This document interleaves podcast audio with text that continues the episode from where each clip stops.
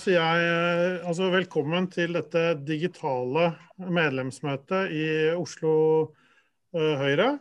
Uh, vi har også registrert at det er uh, noen deltakere som ikke er medlemmer av Høyre, og det er velkommen, velkommen til dere også. dere må selvfølgelig gjerne melde dere inn i Høyre hvis dere føler dere inspirert av dette, av dette møtet.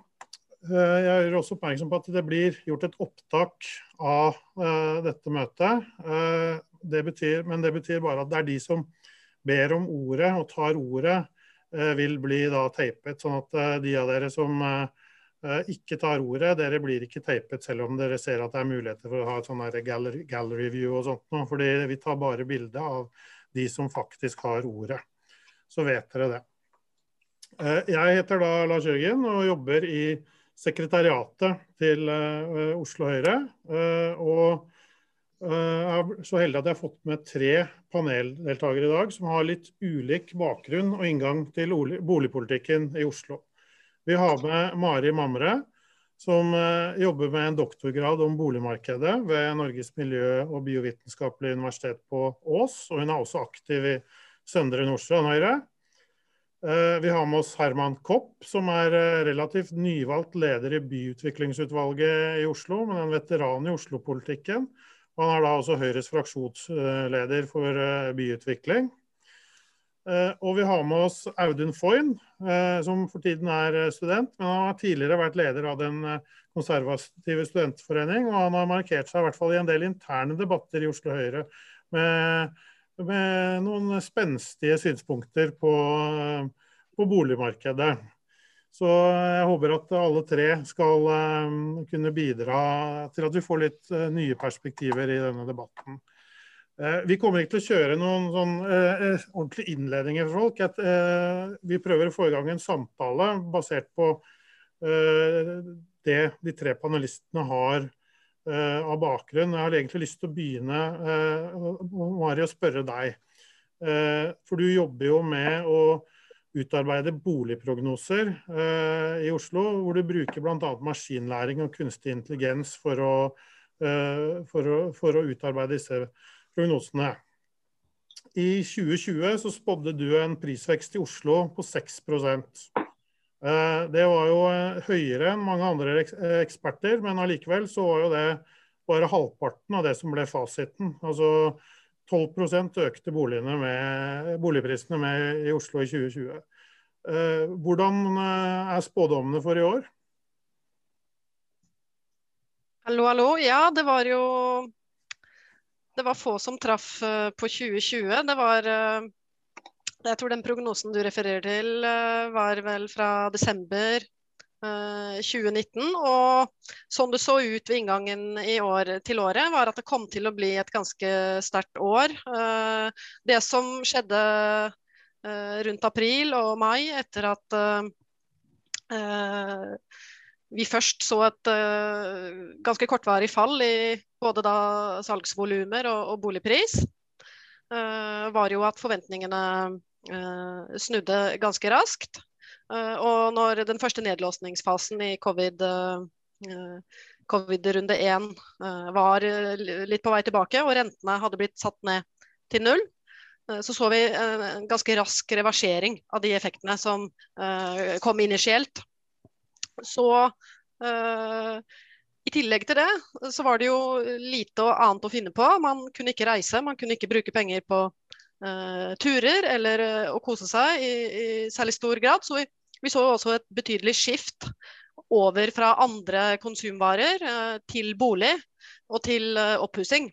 Som var vanskelig å forutsi på forhånd. Så jeg tror kombinasjonen av de tingene der bidro til den sprik i prognosene som mange av oss opplevde. Så for i år så er jeg vel heller også på den moderate biten. Så Prognosemaskinen den har igjen bearbeidet tallene og uh, fått ut et tall. Og da har jeg da uh, Skal vi se Den siste prognosen den er da for Oslo. Uh, ved utgangen av 2021 7,5% og 6,5% for Norge. Og da er det legges det opp til en fortsatt ganske sterk utvikling fram mot uh, uh, mai. Og så uh, at den sterke pristrenden vi er inne i nå, kommer til å snu. Og det er jo både erfaring som tilsier at så sterk boligprisvekst som vi har nå, det kan jo ikke vare.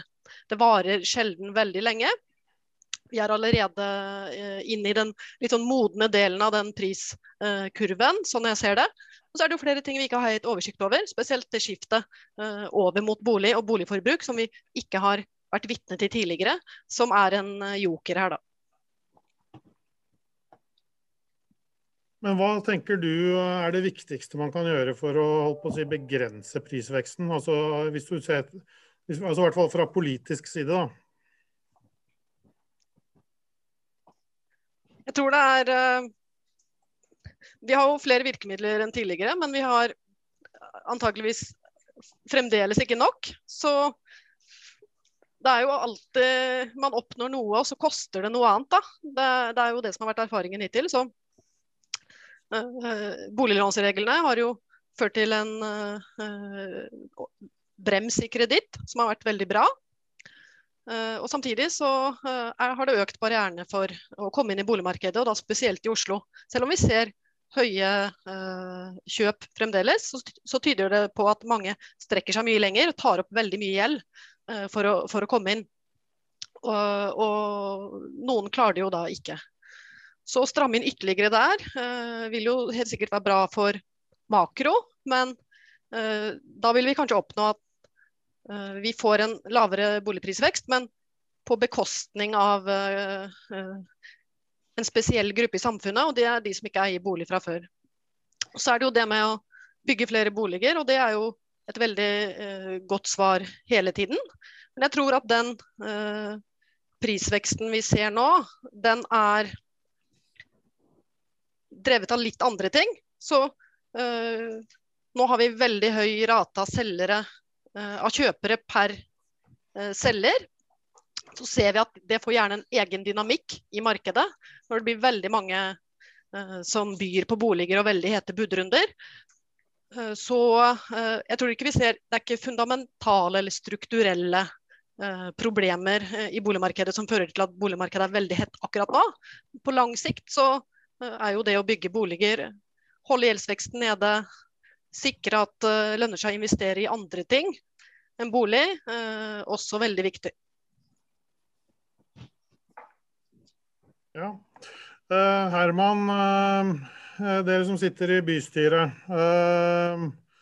Hva, er det, hva, er det, du ser på fra høyre side som kan bidra til å, å si, bremse en boligprisveksten litt? Er det bare markedet som skal fikse dette sjøl, eller har, vi, har, du noen politiske verktøy i, kassa di?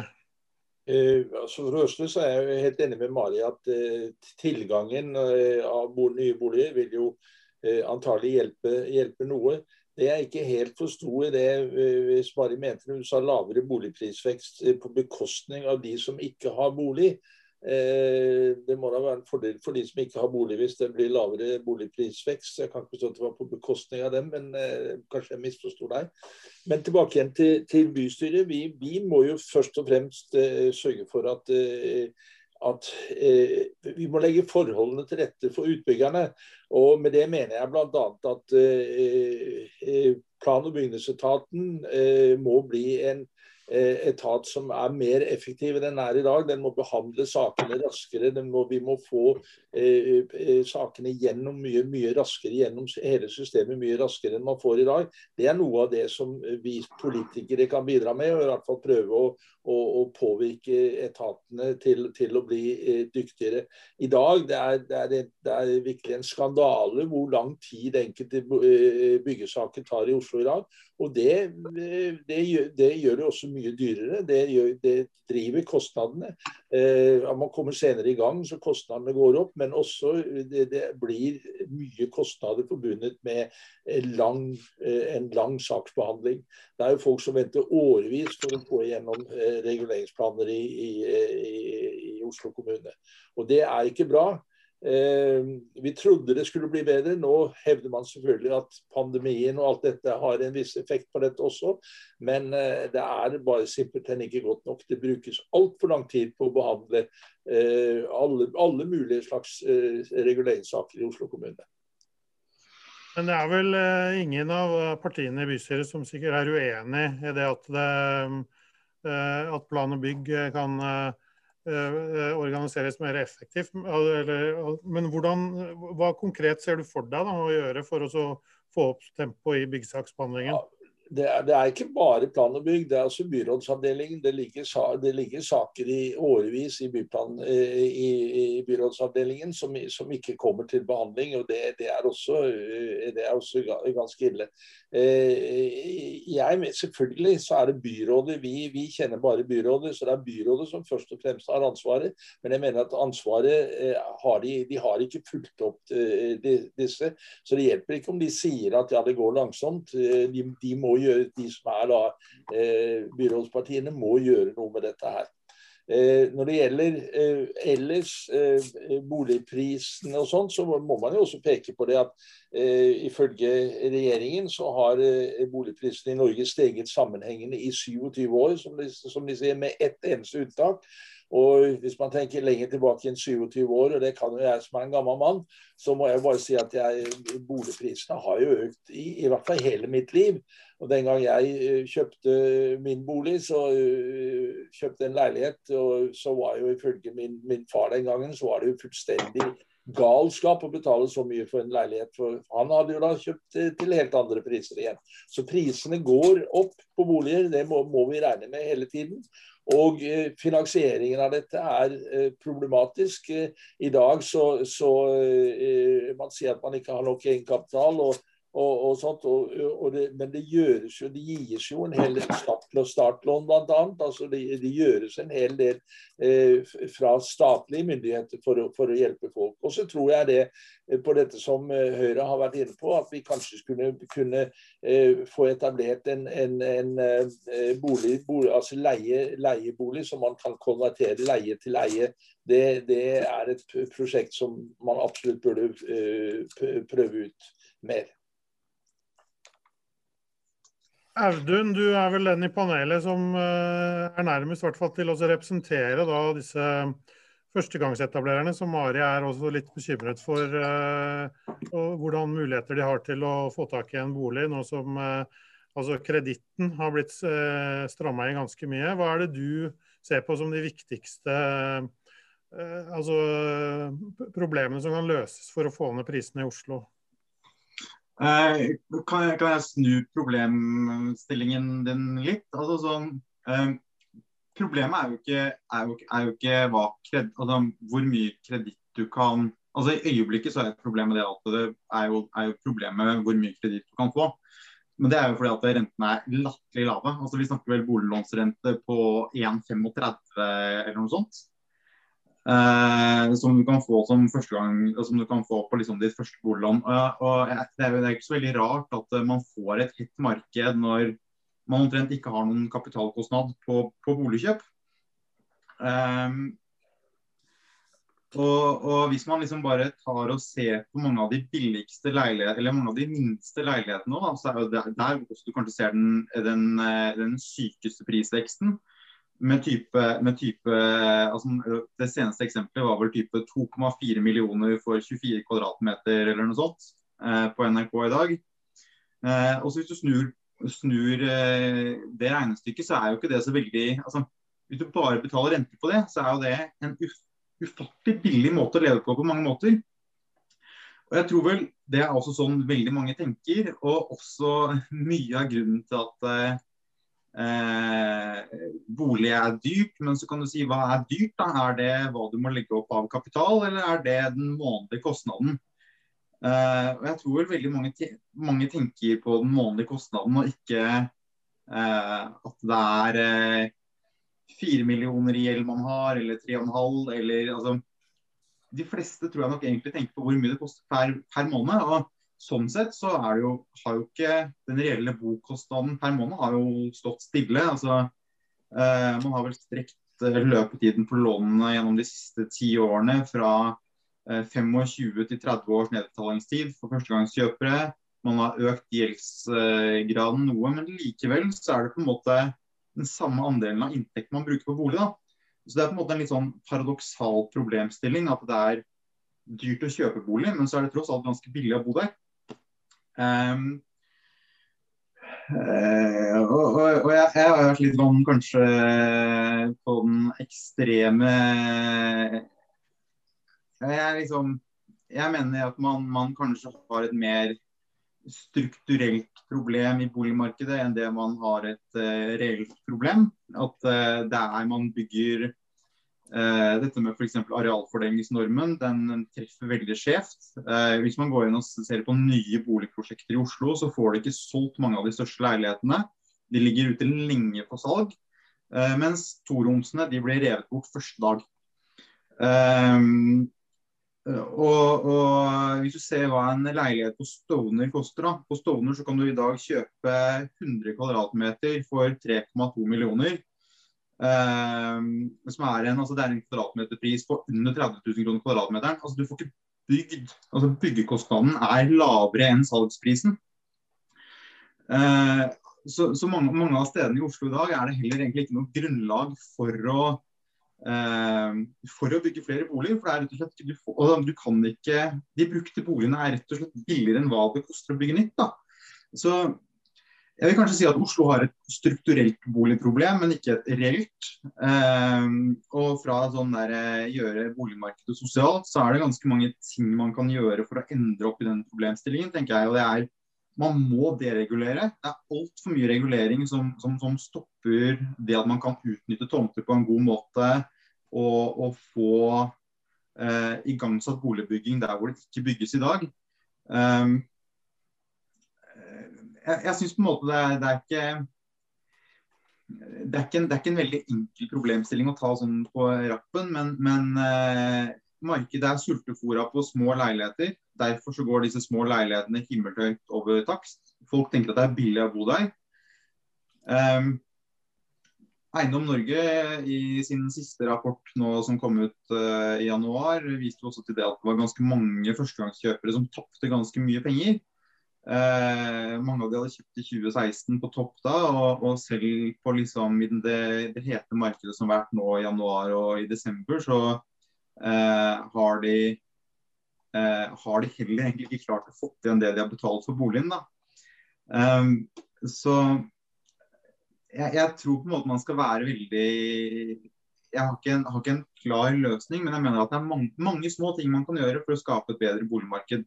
Dokumentavgiften var bort. Det er, veldig, det er en sånn meningsløs avgift som egentlig setter det reelle egenkapitalkravet mye høyere enn hva det burde være. Altså det er, altså, eh, egenkapitalskrav pluss dokumentavgift, det er 17,5 eh, Det første du gjør når du skal kjøpe bolig i dag, det er å gi staten 100 000 kroner. Det er jo en fin start på livet, for å si det sånn.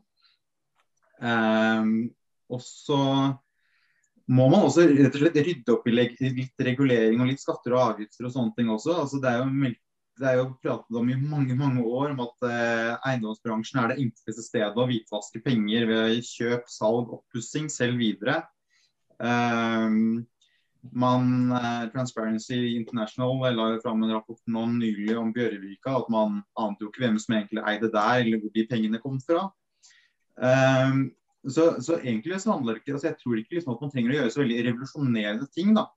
Uh, men, men, jeg tror det handler om å gjøre mange gode ting for å få et uh, marked som fungerer bedre, responderer bedre på tilbud og etterspørsel, og som også dermed holder prisene nede. Um, jeg føler jo også kanskje litt sånn at mange av boligutbyggerne er litt sånn trassige på regulering også. At de syns eh, jeg, tror, jeg, tror, ikke de føler at det, mange politikere forstår at de må kunne bolig, bygge bolig som det er etterspørsel etter i markedet. Um, det er veldig vanskelig for de å, å, å bygge ting som ikke blir solgt. Uh, og jeg tror også det er mye av grunnen til at du ser veldig høye priser på, uh, på små leiligheter også i nye prosjekter, fordi de på en måte internsubsidierer de større leilighetene. Fordi betalingsviljen for de store leilighetene er mye mindre enn for de små. Og dermed så blir det enda dyrere å skulle kjøpe sin første bolig. Um, så, så, det er jo veldig hyggelig å kunne si da, i et forholdsvis liberalt parti om at man, at man eh, faktisk må være litt hard på deregulering. Og mange av de tingene Oslo Høyre har sagt om fjerne arealfordelingsnormen osv. er kjempebra. Man burde nok gå litt lenger enn det. altså Eksempelvis om krav til heis i bygg under fire etasjer. Eh, det er mange steder du skal bygge et uh, infill-prosjekt. Et sånn bygge mellom to bygg som eksisterer, så er ikke det realistisk at det blir realisert om du skal svi av 250 000 per enhet på heis. Um, så jeg tenker sånn, Man skal være skeptisk og kritisk til boligbyggerne og absolutt ikke være noe slack. At de tjener masse penger og, og har bra rom for å ta mer samfunnsansvar og, uh, og sånne ting. men men eh, jeg tror man også må prøve å forstå deres problemstilling og hvilke risiko som er i boligbygging, og hvordan få på en måte markedet til å respondere bedre på etterspørsel. Ja, her var det jo mye å ta tak i. Men uh, det, var mange, det, var mange, ting du tok opp, og det, det, er jo bra. Jeg har lyst til å spørre Mari om det kanskje en av de mest konkrete tingene du nevnte, var eh, dokumentavgifta. Altså, hvis du fjerner dokumentavgifta, hva er din vurdering av altså, Får det noen effekt på holdt på å si, etterspørselen. og altså, Det er jo i prinsippet mer kjøpekraft av tilgjengelig i markedet. Jeg er litt uh, både og. Jeg kjenner ikke uh, jeg, jeg, jeg, ikke helt, jeg har ikke sett så mye på dokumentavgiften, men det samlede skattetrykket er jo viktig. Jeg tror det er, uh, jeg tror det er viktig å, å ha det helt klart for seg at det at bolig blir veldig dyrt i Oslo, det er en del av en veldig internasjonal og bred trend. Så nå i slutten av 2020 så steg eh, boligprisene i 45 av 55 land. Uh, transaksjonsvolumene, antall salg, steg veldig mye. Og mye av det var konsentrert om de urbane områdene og byområdene. Men også Eh, noen interessante skift. Eh, litt sånn suburbia, eh, som kanskje kan henge sammen med økt hjemmekontor, som kan trekke folk litt ut av de mest urbane områdene igjen. Så jeg tror vi For å starte der, da, så skal jeg komme til spørsmålet litt etter hvert. Jeg tror vi er i Vi står overfor veldig sterke krefter. Og de kreftene de handler om reguleringer, men de handler også om agglomeration. ikke sant? Det handler om uh, Vi vil ha folk i Oslo. Vi vil ha de beste hodene. Vi vil ha uh, de riktige hendene. Og vi vil ha arbeidsplassene uh, samlet sånn relativt tett for å få stordriftsfordeler og høy produktivitet av dette her. Oslo har de mest attraktive egenskapene og tilbudene samlet sett. Veldig mange har lyst til å bo her.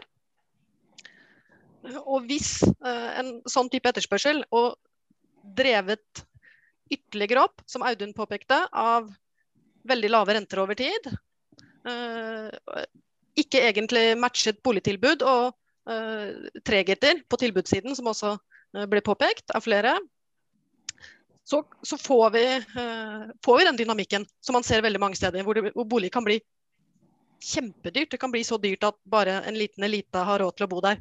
Så uh, hva er svaret på det? Uh, så det paradoksale er jo egentlig at jo bedre det blir å bo i Oslo, gitt at boligbyggingen er sånn noenlunde god, da, men jo bedre det blir her, jo dyrere blir det også å bo. Uh, så, så, det er jo bra at, at Oslo blir, blir, attraktiv. Men som, som by og som politikere så Eh, er det jo flere ting man kan gjøre. Eh, så dokumentavgiften, ja, det kan jo være en del av svaret.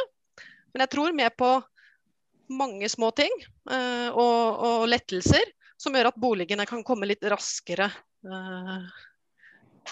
på banen når etterspørselen faktisk er der. Ikke det tar så lang tid at når boligene kommer ut i markedet, så er vi liksom pika eh, over og, og, markedet har snudd, eh, så ser vi at det kan bidra til enda større svingninger, både opp og ned. Ved at eh, tilbudssiden responderer veldig sakte på, på etterspørselen. Og en ulempe med dokumentavgiften vil jo kanskje være litt større interesse for sånn boligflipping. Dersom det ikke koster noe at en bolig bytter hender, så kan det jo hende at man da i litt større grad flere kjøper en bolig, pusser opp og selger videre. At det kan bli en litt større ytterligere element som tar de små leilighetene sentralt i Oslo. At en i hvert fall skal være klar over det. Vi skal snart begynne å slippe til de av dere som har lyst til å komme med noen spørsmål eller kommentarer. For det er jo derfor vi har valgt å gjøre dette her på Zoom denne gangen, og ikke som en sånn livestream på Facebook. Sånn at hvis dere ønsker å stille et spørsmål til noen av folka i panelet, eller i noen kommentarer, så er det enkleste er om dere bruker den derre raise hand-knappen som dere finner under reactions, og, tegner dere, sånn som James allerede har gjort. For da får vi en taleliste der. Eller så er det selvfølgelig også mulig å bruke chatten, men der ser jeg at det er ganske mange kommentarer som flyr allerede, så det er lettere å se dere hvis dere rekker opp hånda. Så før vi begynner å gi ordet videre, så er jeg bare nødt til å utfordre Herman uh, på én ting. Og det er i hvert fall Hvis du skal tro på utbyggerne, uh, så er det nesten det eneste politikerne i Oslo kan gjøre, det er å regulere mer enn det man gjør i dag. Eh, og Høyre har jo selv også kritisert byrådet for eh, at man eh, regulerer for få boliger. Det, og det jeg bare lurer på er altså Høyre er veldig for å bevare småhusbebyggelsen.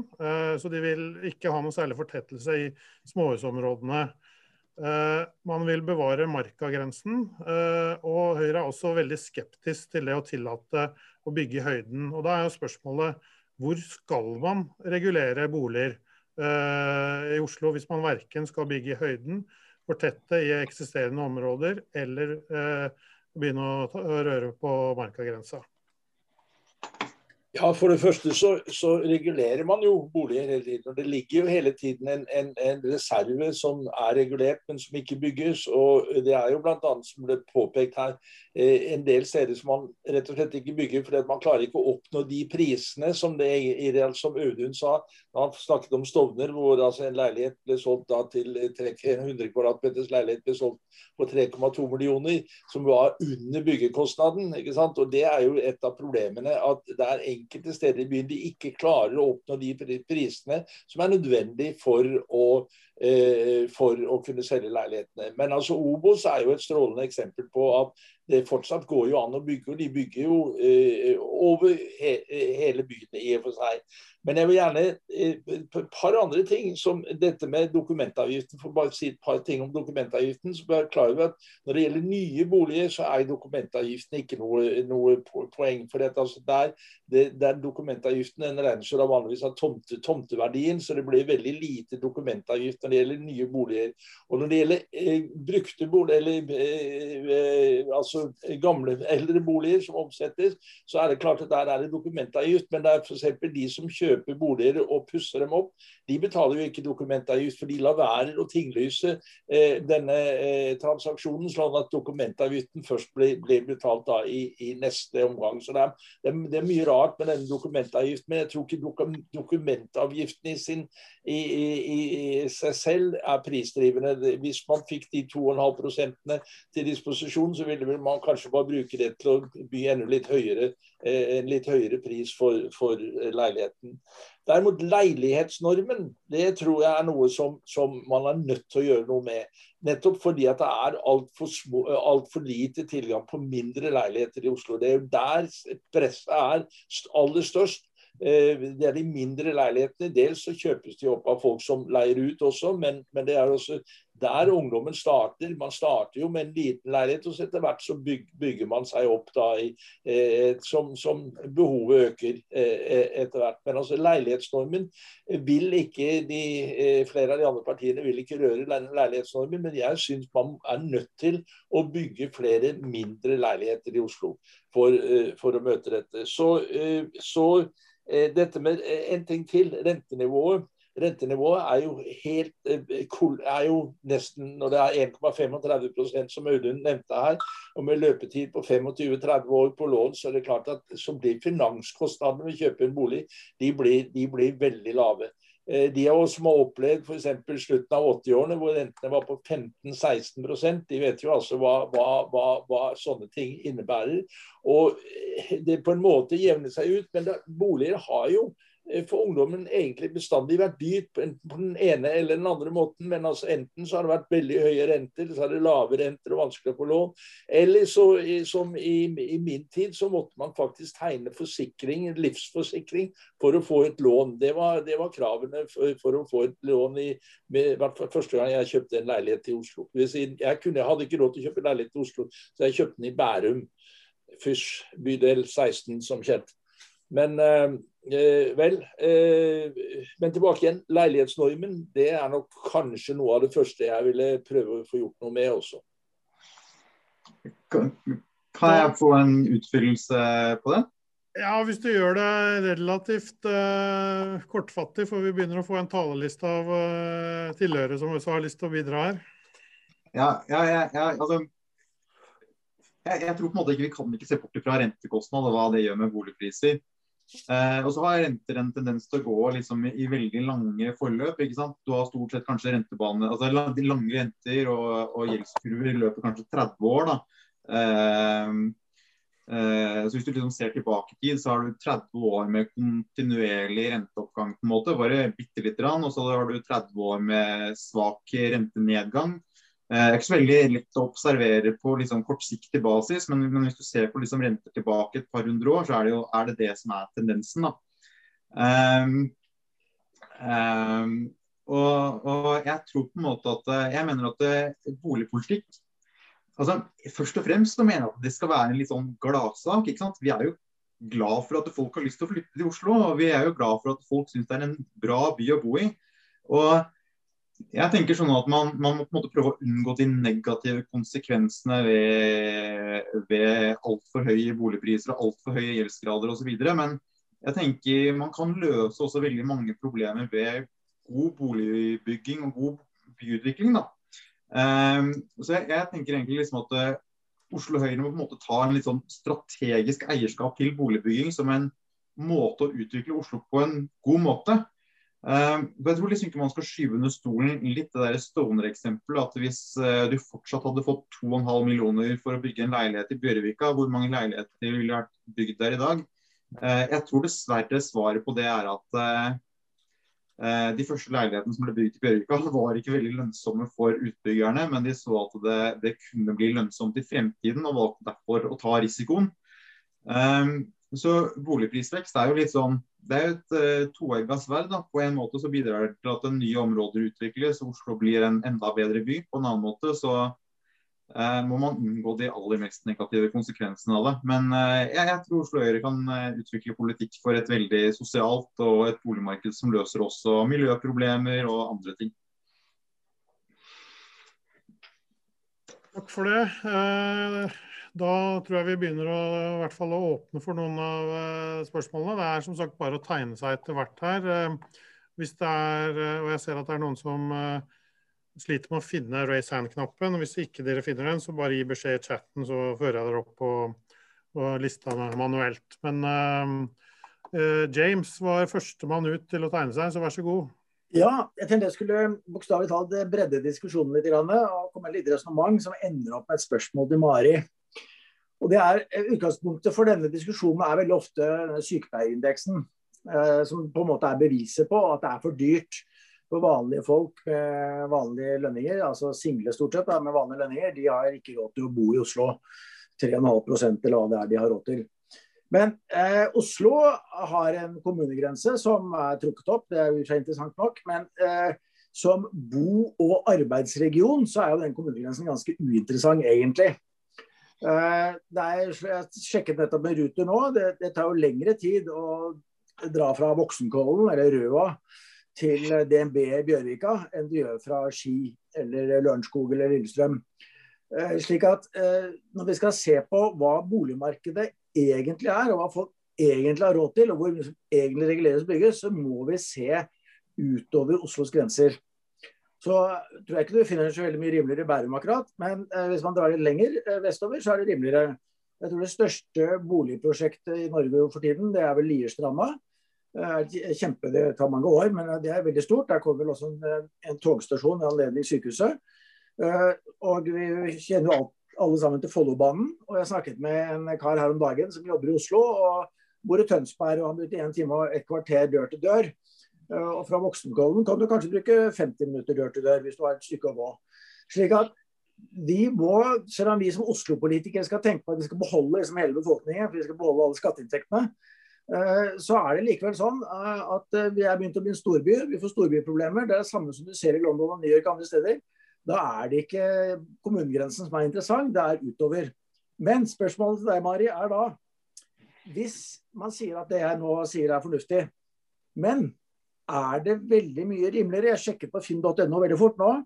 Og det ser for meg ut som at hvis man flytter til en helt klin ny Obos-leilighet på Lillestrøm, så får man høy kvalitet til en veldig mye lavere pris.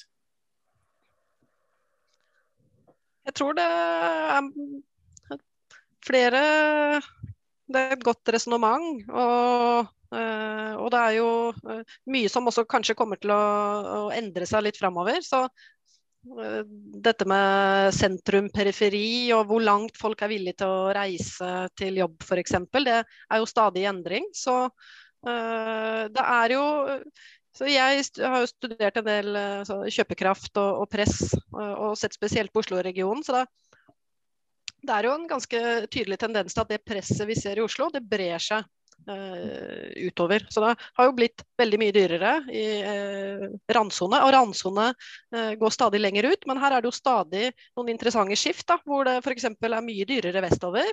Og så nå også sørover. Har blitt uh, ganske dyrt i Follo, Ås, eh, Kolbotn-området også. og, og nå er det jo ikke så dyrt på Gjerdrum, kanskje. Også uh, Ullensaker har jo uh, også en del problemer pga.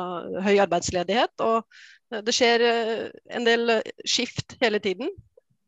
så de lange, linje, lange, linjene er at det blir stadig dyrere i Oslo. Og det blir stadig dyrere utenfor Oslo. Og så er vi et stykke unna byer som London og New York f.eks.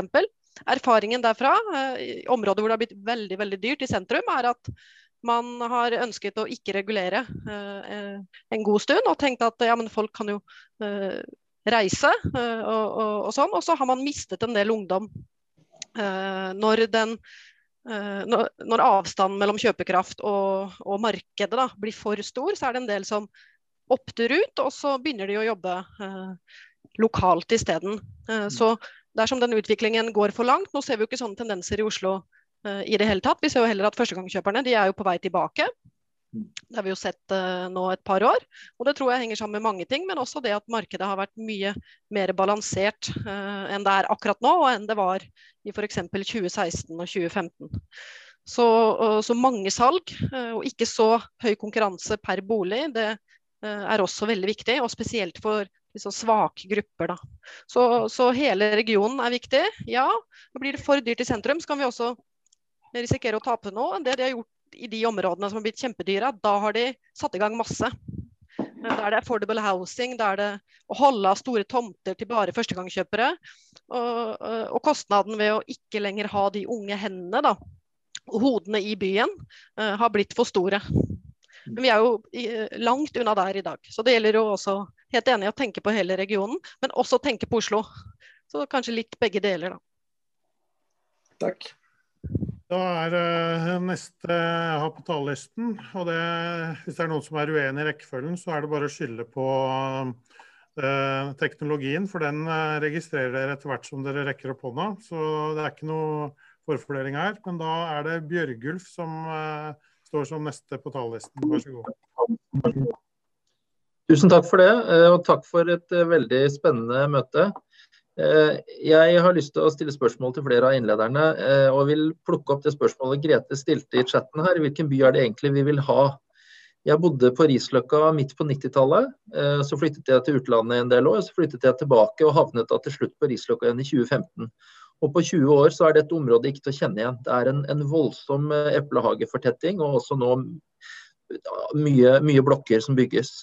Og det Forslaget til kommunedelplan for Groruddalen som jeg fikk se på et såkalt medbestemmelsesmøte for noen år siden, det la opp til at alt som skal bygges i Groruddalen, det er relativt høye blokker. Og Den gode blandingen vi har hatt av blokker, lavblokker, rekkehus og eneboliger, den tynnes ut og blir dårligere. og Gjør det vanskeligere å kunne flytte til en større bolig innenfor samme område når behovene vokser. Nå er ikke det en menneskerett, men det er min påstand at varierte bomiljøer gir god bokvalitet. Eh, så jeg vil gjerne utfordre Herman litt på dette med ikke bare på det med småhusplanen, for der kommer jo byråden ned til Oslo Høyre, men, men hvordan kan vi i resten av planverket sikre gode bomiljøer og holde igjen bedre for den, den, graden av fortetting som skjer. Altså På Vollebekk nå rett ved siden av meg. Du går rett fra T-banen på, på, gangveien og ser inn hva folk har på brødskiva når de spiser. Og Det sa vi etter Løren at dette skal ikke skje igjen, dette ble for tett. Men det skjer igjen. Eh, en liten kommentar til Audun. Ja, er det lurt å, å, å slappe, slappe, av på de heiskravene? Jeg har prøvd i halvannet år nå å hjelpe noen å finne seg en leilighet på Røa Eh, med heis. Eh, og hvis ikke du vil ha ny bolig, eh, eller det ikke er en ny bolig ledig, det er ikke mye leiligheter som har heis i mange steder. Så jeg er ikke så lurt om det er så lurt å, å slappe av på de kravene. Men også til slutt til det Mari spurte om er egentlig denne prisveksten så voldsom at vi må tillate denne fortettingsgraden? Både det jeg hørte fra Audun i sted, og også litt fra Mari. Mari det, det, for meg så tyder det på at dette egentlig ikke er et så, så stort problem. Så lurer du kan si litt mer om det, om, om, om prisveksten, og, og, om myndighetene får de rette premissene. Takk. Da tror jeg vi begynner med Herman, som fikk den eh, utfordringen om uh, det å sikre gode uh, bomiljøer. Eh, når man eh, tillater da ny utbygging? Ja, eh, det vil jo si at det prøver jo vi så godt vi kan, da. Men det er vel veldig mye også da lagt opp til, til, til markedet og til ut, utviklerne av boligene.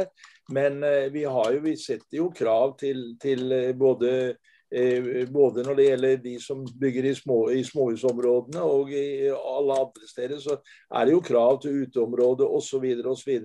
Men eh, jeg er jo enig med, med, med, med Bjørgulf i at det er litt ille når man lager altså boliger som, som, eh, som, slik som du beskrev det. Og jeg vet vi bl.a. har jeg, Akkurat nylig så jeg et et prosjekt som jeg sa, men, men, kan dere virkelig mene at folk skal bo i første etasje der, da? Og det, det mente øyensynlig utbyggerne, og det mente også plan- og bygningsetaten var OK. Men uh, akkurat den planen er ikke kommet til oss ennå, så vi får se hva som, hva som, skjer når vi får den til behandling. Men uh, jeg, jeg, er enig med at vi bør, vi bør være uh, observant på dette her. og, og, og, og prøve Eh, på den, andre, på den annen side, Bjørgulf, det som jeg forsto deg, så var det, var det, spesielt dette at folk altså bodde sånn at du kunne se, se rett inn til dem og sånn. Nå er det vel, eh, Jeg kjenner en del mennesker som har flyttet inn på Ensjø bl.a. Og, og noen av de leilighetene i første etasje der, de er jo sånn hvis man ikke selv gjør noe med det. og blant annet Jeg kjenner en ung mann som ikke gjorde noe med det, for de gadd ikke de skulle flytte før eller senere allikevel. Men eh, mens eh, da til foreldrenes store ergrelse så gjorde de ikke noe med uteområdene. De satte ikke opp noe, noe for å avskjerme innsyn og sånn. Men de solgte jo leiligheten etter en, en tid og flyttet til et annet sted. Audun, har du lyst til å kommentere den uh, uh, kommentaren Bjørgulf hadde om uh, heis? Ja, altså, mye, mye, av poenget mitt er egentlig det at jeg føler kanskje litt at det absolutte krav egentlig bare blir et dårlig bare på en måte blir brukt som en dårlig minimumsstandard. da. Eh, og litt det Herman også, og på en måte også det egentlig Bjørgulf pr pr prater om, det er at man opplever at boliger har en ganske dårlig arkitektonisk kvalitet. Og at området ikke ivaretar de kvalitetene man skulle ønske at det hadde hatt. Um, og, og eh, jeg, jeg, jeg, tenker at istedenfor at man har absolutte krav i alle, alle, alle, prosjekter, så burde man heller på en måte kunne ha en, en dialog om hvordan boliger skulle tilføres til et område, så forstår jeg da sikkert at eh, mange utbyggere vil prøve å, være, prøve å utnytte dette og, og, sånne ting. Men, men jeg mener at man skal aldri undervurdere arkitektonisk kvalitet. Det å bo et sted med store vinduer, lys og luft, eh, et sted å være ute osv. er vel så viktig som det å nødvendigvis ha de der eh, checkliste-tingene. Altså universell utforming, heis, og en del sånne ting. Ehm, jeg vil kanskje si at det er mye av boligene som er bygd på 90-tallet, hvor ingenting er gjennomgående, det er lite vinduer og en del sånne ting, de er, de er fryktelig mørke og triste. Og, og, jeg tror hvis du har sittet inne i en sånn bolig nå de siste ni månedene på hjemmekontor, så, så skulle du ønske at boligbyggeren kanskje hadde brukt litt mer på arkitektonisk kvalitet, og kanskje ikke at den heisen hvis du bor i, hvis blokka er fire etasjer, er ikke så viktig.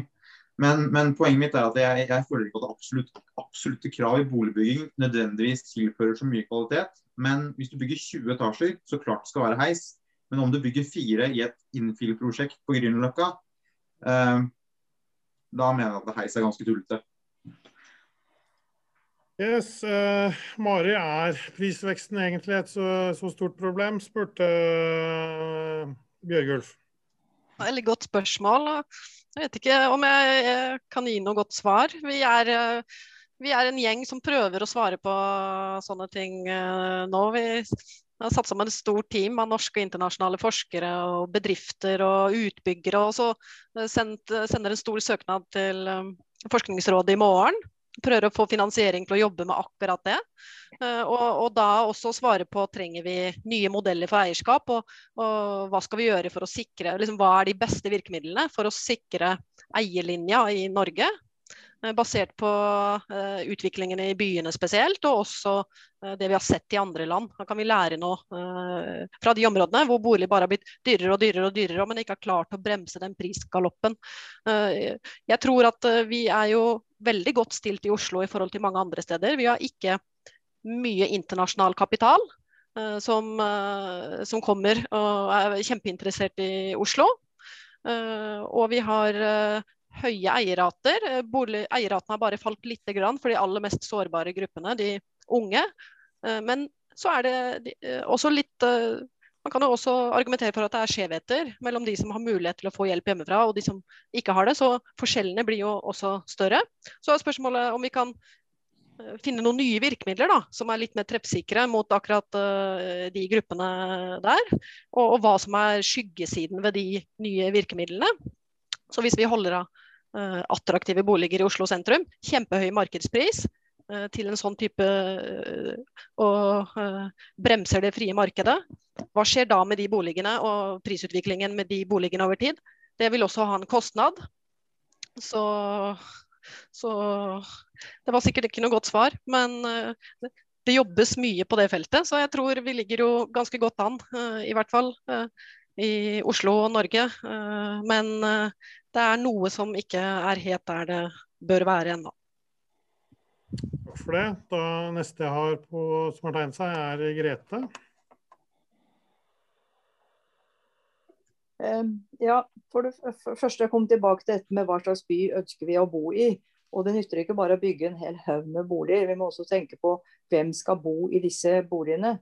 Og Hvis vi da eh, bygger eh, bare små toroms, ett toroms uten heis, Eh, fordi det er på Grünerløkka. For da, da, sier vi at da skal ikke eldre og ikke, ikke mm, barnefamilier de skal ikke bo der. Så da får vi altså den utviklingen. Så kan man spørre seg hvor gode skattebetalere helt unge mennesker er, og om ikke andre, altså både barnefamilier og eldre, da, er like gode skattebetalere. Uh, så Eh, det var bare en kommentar til det.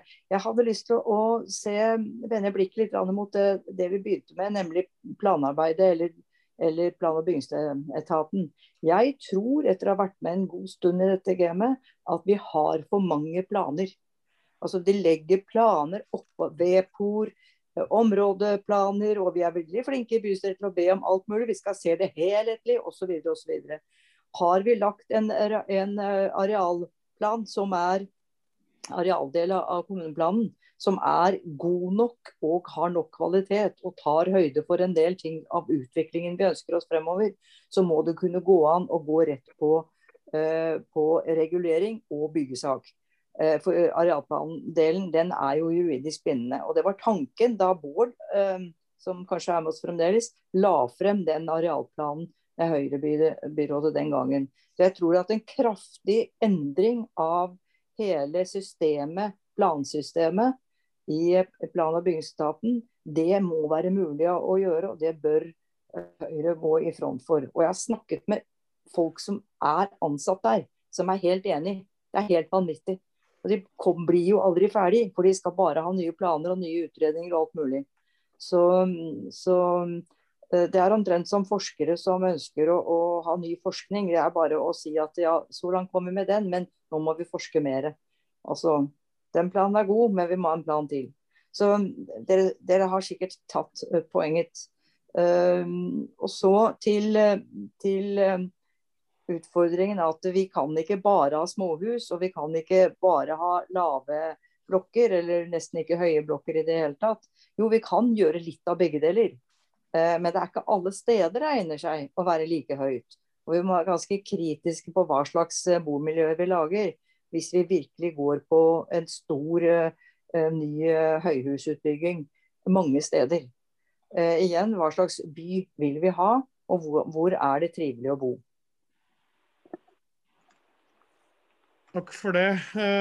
Det er vel kanskje en del av det som Herman er nærmest til å svare på, kanskje. Nettopp der er det for mange planer i Oslo kommune når det gjelder utbygging. Ja, jeg, er helt enig med det som Grete sa her. Eh, men jeg vil også peke på bl.a. det som plan- og bygningsetaten er eksperter på å gjøre. at Hvis en, en, en, utbygger kommer med en plan, så i veldig veldig mange tilfeller så skal plan- og bygningsetaten på død og liv eh, lage en alternativ plan. Og kanskje både én og to alternative planer. Også, og de bruker altfor mye av sin kapasitet på å lage slike planer. Hvis, hvis, de ikke kan godta utbyggers plan, så syns jeg det er mye riktigere at de sier til utbygger at denne kan ikke vi godta, men eh, sette i gang og lage en annen plan. Men altså overlate det til, til, til eh, utbyggerne istedenfor å bruke mye ressurser i plan- og bygningsetaten. Og Det er også dette med byggesaksforenklingen, som jo skulle, skulle bli enklere og sånn. Vi ser det er ikke blitt det. Det er fortsatt for mye plannivåer og for mange ting i, i i, kommunen. Jeg har lyst til å ta et annet moment her, dette med, med, hva vi kan gjøre for å få triveligere boliger og alt mulig sånt. Det er et helt annet, helt annen sak her, nemlig. Men vi, vi har jo altså i Oslo mye gammel bebyggelse også. Og nå har jeg nylig blitt oppmerksom på at plan- og bygningsetaten har plutselig innført en helt ny eh, holdning til det med balkonger.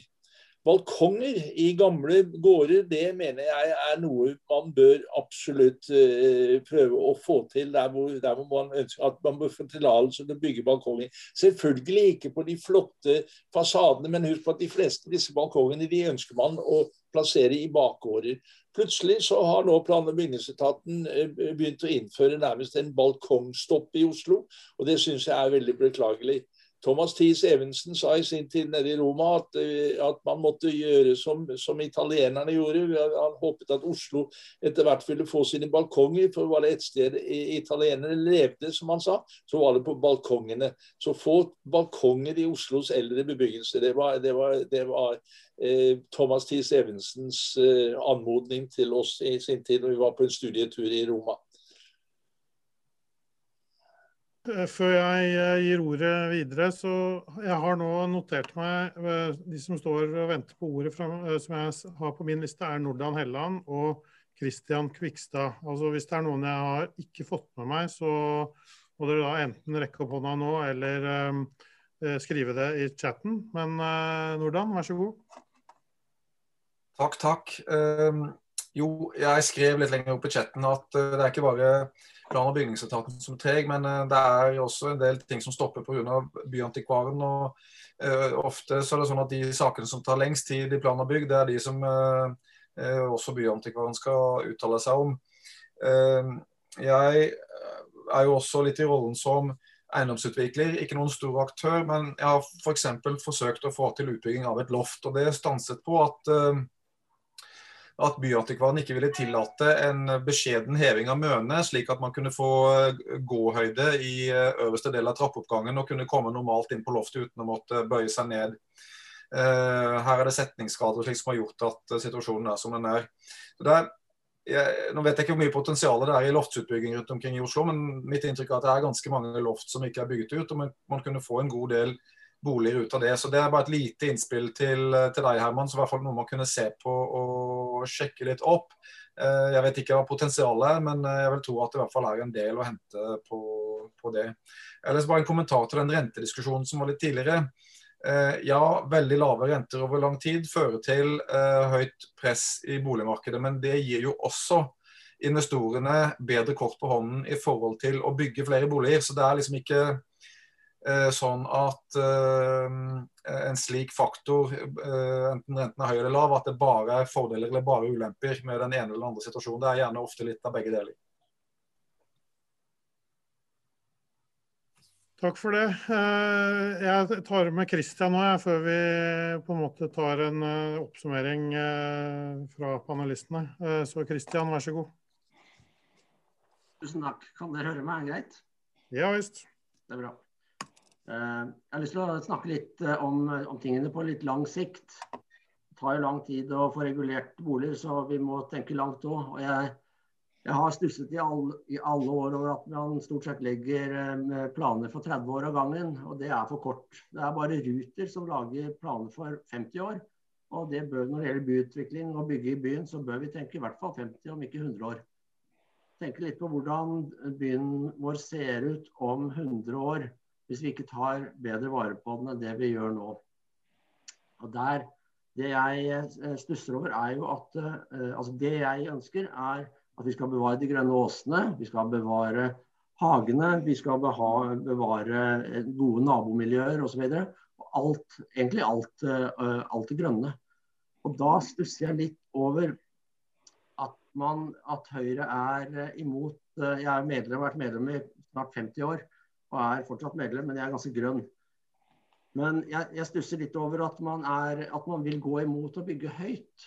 Uh, det som skjer nå, er jo at uh, i, i, byrådet, altså byråden for, for, for byutvikling vil jo, vil jo skrote grensen for å, å, bygge virkelig høyt i sentrum.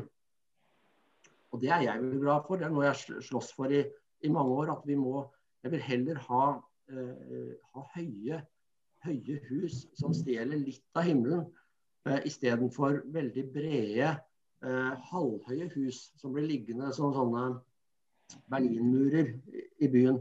For da, da, da mister vi synet av de grønne åsene.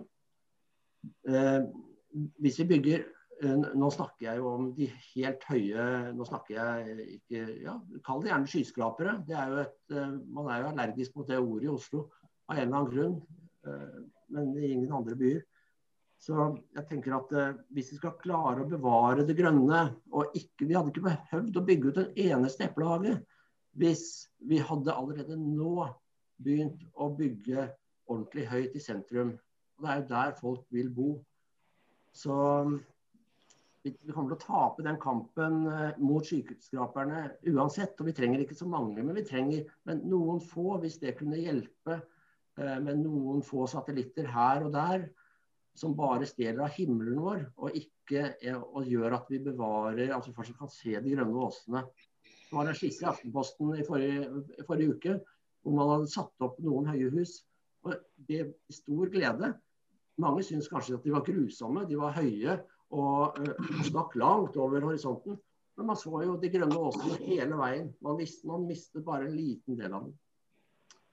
Så jeg tenker, er det sånn at Høyre, Jeg kan stille spørsmålet er det sånn at Høyre er imot, er, er imot uh, høye hus, eller, eller, er det på tide nå å tenke, uh, å tenke nytt? Vi må tenke på lang sikt.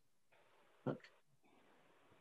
Takk for det, Kristian. Jeg ser også fra kommentarfeltet at uh, du, du, har pekt på noe av det samme som Herman eh, Gundersen uh, har gjort i kommentarfeltet, og som også sier at han gjerne tar ordet når det gjelder dette med å bygge i høyden. Så da gir jeg også ordet til Herman Gundersen før vi lar uh, panelet svare på de siste innspillene som har kommet.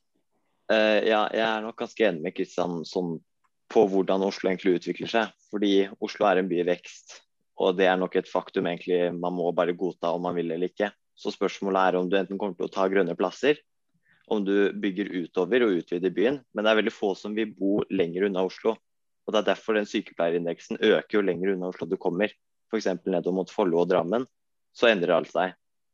Eh, det er derfor jeg ser på det kanskje som nødvendig å egentlig begynne å bygge oppover. Fordi det med skyskraper har blitt et sånt, litt som Kristian sier, da, et ord som man egentlig ikke skal bruke i Oslo. Men jeg skjønner ikke hvorfor nede i de sentrale delene av Oslo, der hvor det er ganske moderne bebyggelser fra før, hvorfor du ikke kan begynne å bygge høyden der sånn. fordi det skader ikke den arkitekturen som allerede er der.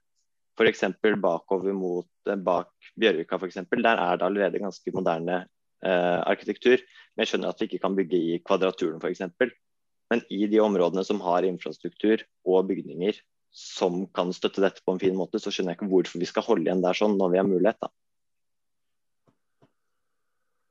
Takk for det. Uh, og da uh, kom det en inntegning til helt på tampen, og jeg tenker vi, vi tar med oss uh, det også. Vi er såpass rause med det i dag at Hans Bertil Olsson har også bedt om ordet, så vi tar med deg også før vi gir ordet til Lars Jørgen, jeg kunne godt tenke meg om ordet, men jeg vet ikke hvordan kan jeg be om ordet her og nå? Jeg vet ikke hvordan jeg gjør det. Uh, OK, da,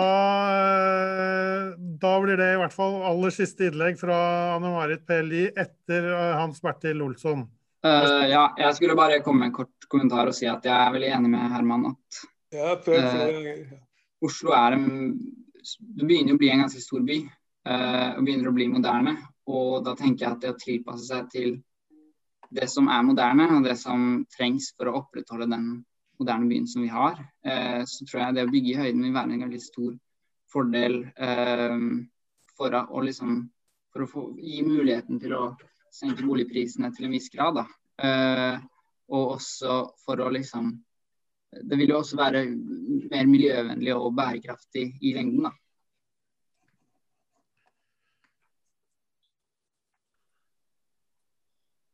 Anne Marit, du skal få slippe til du òg, da. Ja, takk. Um, mye bra som er sagt her.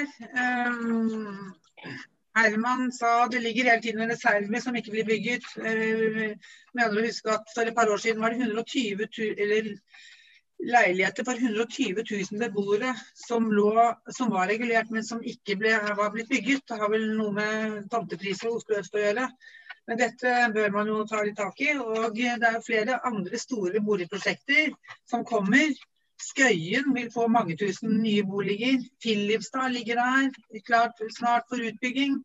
Hovedbyen er jo også et kjempepotensial. Så sa James snakket om intercity, og det har også vært min kjepphest i mange år. Bygger man intercity, ehm, så vil man dempe boligpresset i Oslo.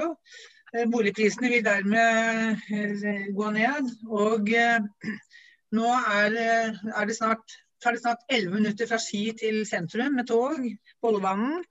Og Det samme vil være i store rundt i nordover og eh, på Vestfoldsiden. Så det vil på sikt dempe boligprisene og, og markedet. Og for byen blir mindre og mindre. Det er jo her arbeidsmarkedet er. Så eh, sa Herman det er fortsatt for mye på plannivå i kommunen. Eh, og at vi må få plan- og bygningsetaten til å bli dyktigere og mer effektive.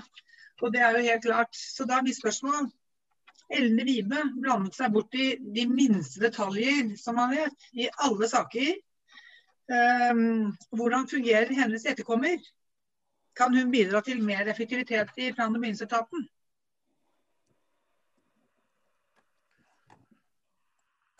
Takk for det. Um, var det sånn at Helge Øyen også ønsket ordet, eller misforsto jeg deg nå? Jo, jeg, har, jeg forstår ikke det tekniske. Greit, da blir det dagens siste innlegg før vi setter over til panelet. Ja, jeg har et konkret forslag. Og det er som da gjelder boligskatt, eiendomsskatt. Og der er har jeg sendt inn et forslag til Finansdepartementet om å redusere eller maksimum bunnfradrag på eiendomsskatt til 1 million kroner.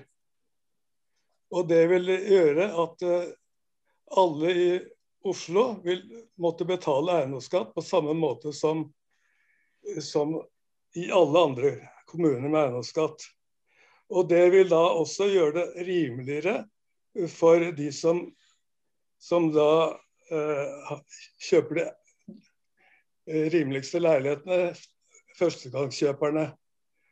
Og eh, da kan de eventuelt med de ekstra inntektene man tar, så kan man da subsidiere da eh, førstegangskjøpere med, med, på en eller annen måte, som vi ikke skal foreslå. Takk. Jeg, jeg kunne veldig godt tenkt meg å få et uh, tilbakemelding fra James Stowe Lorentzen på dette. Om de har tenkt å gjøre noe med det forslaget. Og konkretisere før valget. Slik, fordi eh, Alternativet er at eh, Støre har kommet med et forslag om å ha det som modell for hele landet. Også for statlig eiendomsskatt. Så takk. Takk for det. Eh, da tror jeg vi har eh, kommet dit at vi må ta en oppsummering eh, via panelet. og Da har jeg notert meg de siste innspillene som jeg da skal utfordre dere til å svare på, som da har kommet via panelet også. Og det er da altså, altså så, så, jeg bare jeg kommer til å gi hver av dere tre muligheten til å si noen holdt på å si, eh, oppsummerende ord. Og så får dere da selv velge eh, hvilke av disse som nå henger fra eh, spørsmålene som er stilt, hva dere ønsker å svare på. Men Nordan hadde jo da, da dette her med byantikvaren og, og verne, vernespørsmål, om det er vanskelig å få tillatelse til å gjøre utbyggingsprosjekter på bakgrunn av verne Eh, verne, eh, vernehensyn. Eh, og så var det jo da flere som var inne på dette med Helt spesifikt loft. Loft, loftsutbygging. Loftsutbygging spesifikt, ja. Uh, og så var det jo da Christian og flere som var innom dette med Kan vi ikke bare bygge uh, veldig høyt i sentrum, hvor infrastrukturen er til stede, og det eneste vi tar av, er uh, av eh, altså, himmelen, og ikke av eh, åskammene og de grøntområdene. Og så var det et konkret spørsmål til, til Herman om den nye plan- og byggsjefen. Som du kanskje som ikke er, kanskje er naturlig at jeg inviterer hvert fall de andre til å si noe om. Og så var det da dette siste forslaget om å be regjeringen innføre en regel som sier at det er maks bunnfradrag på 1 million eh, eh, for eiendomsskatt. Så Det er da de eh, siste innspillene vi har som ikke har blitt kommentert. så jeg tenker at Vi kan jo da begynne i motsatt rekkefølge av det vi gjorde i stad. Jeg ordet til Audun først.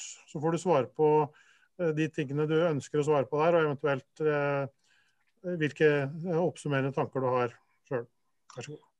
Ja, um, jeg kan, jeg kan, ikke uttale meg på vegne av bystyret, men jeg har, jeg har, et par år fra styret i Studentsamskipnaden, hvor man også har diskutert mye boligbygging. og Jeg kan vel si på en måte at eh, jeg tror det spørsmålet Nordan Helland på måte mange måter stiller, er egentlig veldig klokt. Og, og, på mange måter så tenker jeg at det handler om hvilke holdninger har, har eh, de som sitter og regulerer boligbygging i Oslo til byutvikling og, og, og bygging av boliger.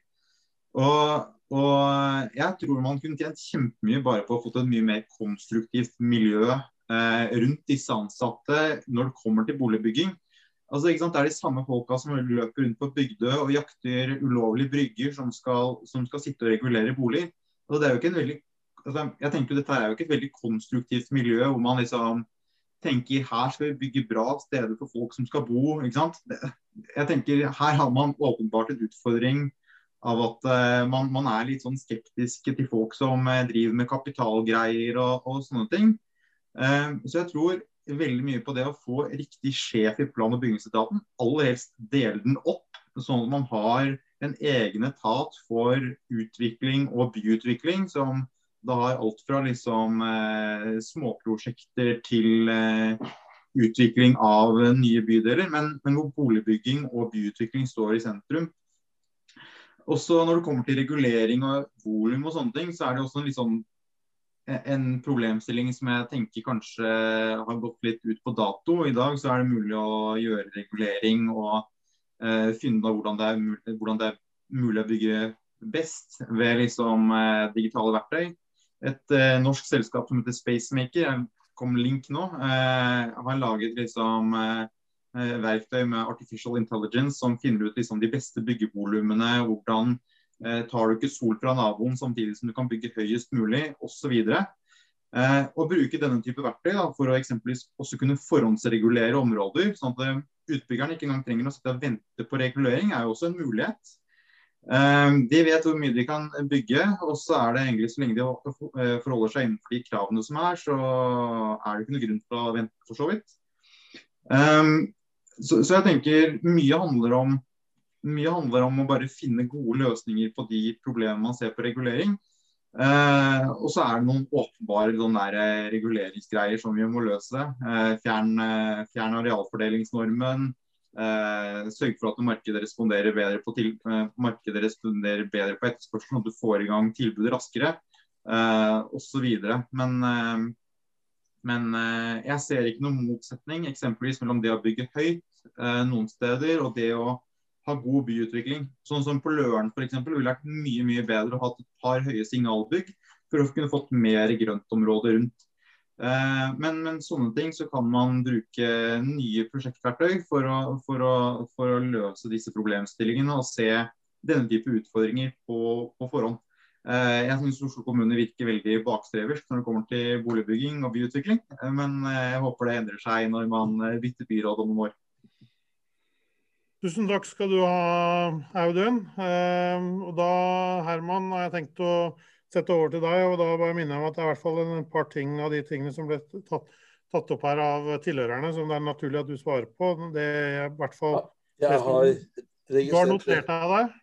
Jeg har notert meg. Jeg begynner med byantikvaren. Loftsutbygging. Jeg er helt enig i at eh, loftsutbygging er en, en, en måte i hvert fall å få flere boliger på. og og jeg eh, er tilhenger av det. Det er klart at Byantikvaren har en del synspunkter på dette. Og Byantikvaren er en viktig institusjon i Oslo som vi i mange tilfeller både bør og skal lytte til. Eh, men hun ble ikke alltid lyttet til. og Hun er, bare, hun er en av de som leverer premissene. Men, men altså, vi må ta en samlet vurdering. og Noen ganger så vinner hennes synspunkter frem, og noen ganger vinner de ikke frem. Eh, men altså loftsutbygging er jeg absolutt eh, tilhenger av. Så ble det spørsmål om dette med å bygge høyt. Og da må jeg jo innrømme at jeg har alltid liksom eh, syntes det har vært litt latterlig når folk snakker om høyhus, og så snakker man om høyhus, og det er 12 etasjer og 42, eh, 42 meter høyt. Det er ikke, for meg er ikke det høyhus. Men eh, eh vi, vi, har jo en del en god del hus i Oslo som er vesentlig høyere. Jeg tror det faktisk er 100, 100 bygninger i Oslo som er over, over 42 kvadratmeter. Eh, og man har jo bygget jo de, Noen av de første høyhusene var bl.a. borte på Hoff. Eh, der bygget man noe som het Gullkroken. Eh, meget attraktive leiligheter for mange mange, mange år siden, og de er fortsatt attraktive. Eh, bygget også en, en, en, ganske høyt hus i Hoffsveien, som, hvor Trygve Lie hadde sin leilighet på toppen. Det var også en, populær, eh, en populær, adresse i, i mange år. Eh, Høyre har jo ikke Høyre kommer helt sikkert til å diskutere dette ganske intenst i tiden fremover. Og det kommer sikkert til å være delte meninger. Det er delte meninger i Høyre. Det skal være delte meninger i Høyre om dette her. Og vi kommer til å ha en, en spennende dialog om dette i, i, månedene og årene kanskje fremover.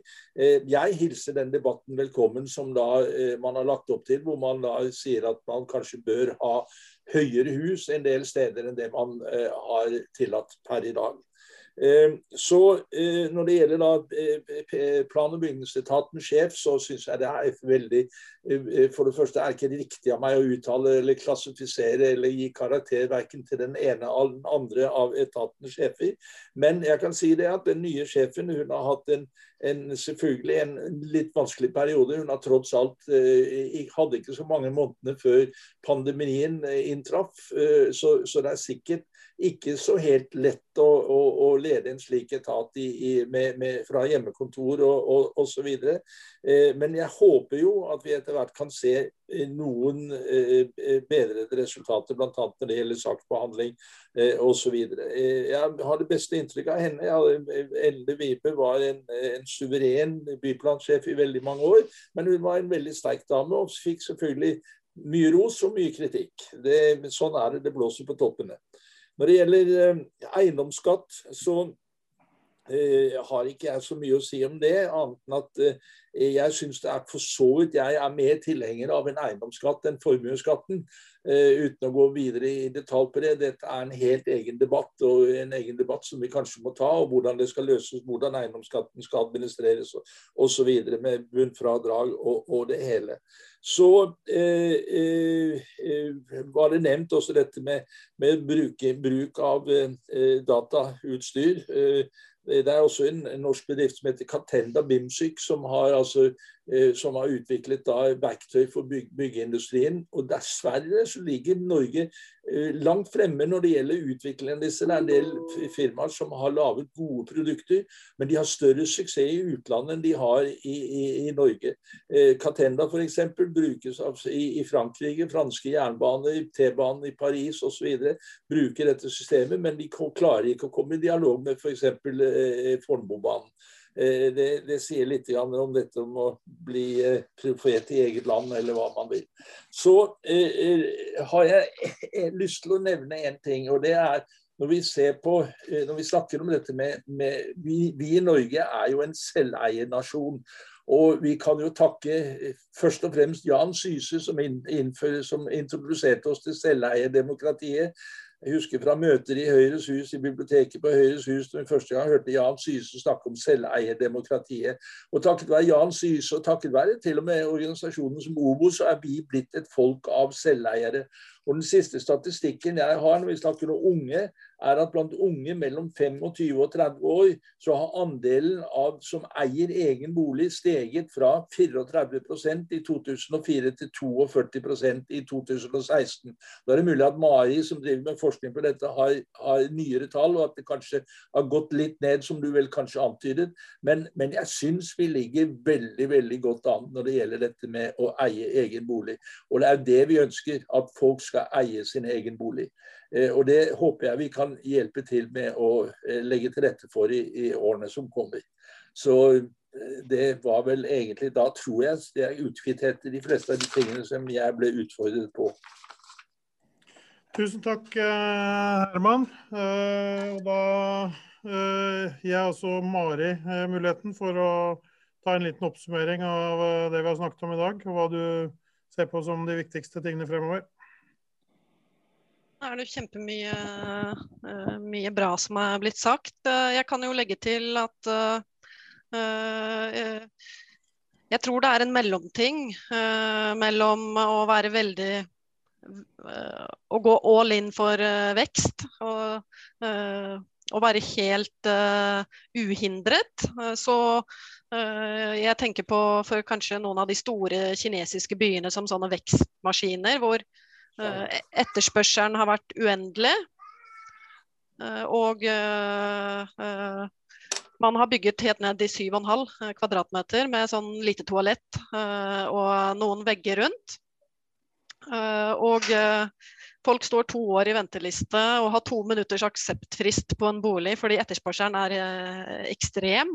Eh, og man bare bygger og bygger og bygger. Eh, og det finnes ikke noe grønt. ikke sant? Og så har vi jo områder som San Francisco på den andre siden, som, hvor man har hatt veldig demokratiske prosesser, også attraktive områder, men nesten ikke bygget noen ting. Og har lavhusbebyggelse i et område som ligger så nært inntil Silicon Valley, hvor veldig mange vil arbeide og bo, og hvor det er masse masse kjøpekraft i befolkningen. Så mellom de to ytterpunktene så, så finnes det et punkt. Og jeg tror uh, det å være for en type smart vekst, uh, ikke en ukontrollert vekst, men en sånn vekststrategi for Oslo, det også mange som har lyst til å bo i Oslo, og mange har lyst til å bo på de samme stedene, som også har blitt nevnt. Så hvis vi både kan få til å bygge ut litt mer der, Eh, og, og, kutte ned uh, flaskehalsene, men også drive den langsiktige utviklingen for å uh, øke attraktiviteten til nye områder, som Oslo trenger. Og ha den smørbrødlisten for utbyggere, at den skal være litt større. Så de har fleksibilitet til å gi markedet det markedet trenger. Så kanskje vi får en forsikring mot både den brutale boligprisveksten man har opplevd noen steder, men også kan ivareta grøntområder og grunnstruktur, som er så viktig også for en by. Tusen takk for det. Da, det. da, må jeg bare ta en liten oppfølge helt på slutten her, siden du snakker om be, altså balansert eh, befolkningsvekst. Altså, betyr det lavere, høyere eller omtrent den samme vekst eh, som det man har hatt de siste årene i Oslo? Hvis det var en oppfører til meg, så tror jeg vi har vært i en situasjon hvor befolkningsveksten i noen år var litt lavere enn det den egentlig ville vært hvis vi hadde bygget flere boliger. Fordi uh, flere uh, tøt litt ut av Oslo sine grenser. Uh, og det er jo ikke nødvendigvis så et stort problem, fordi men det handler litt om hvem som blir og hvem som drar. Så jeg tror Oslo kunne lagt opp til litt høyere befolkningsvekst og, enn det man har gjort. At, men at det også er grenser for, grenser for, vekst. Grenser for hvor høy vekst en by ønsker seg over tid. Tusen takk, Mari, og tusen takk Herman og Audun. Og alle dere som har deltatt, både med å ta ordet aktivt selv, og det, det har vært en livlig diskusjon også i chattefeltet, har jeg sett. Eh, så Det er tydelig at dette er et tema som engasjerer, eh, og det noterer vi oss. Eh, jeg ser at Bjørgulf allerede varsler at Bjerkehøyre kommer til å, å kjøre noe arrangement på boligpolitikk og boligutvikling. Og vi skal nok også fra Oslo Høyre sentralt hold kjøre noen flere temaer om dette fremover. Så tusen takk til dere som satt i panelet, og tusen takk til alle dere som valgte å delta på dette møtet, og ha en fortsatt eh, god kveld.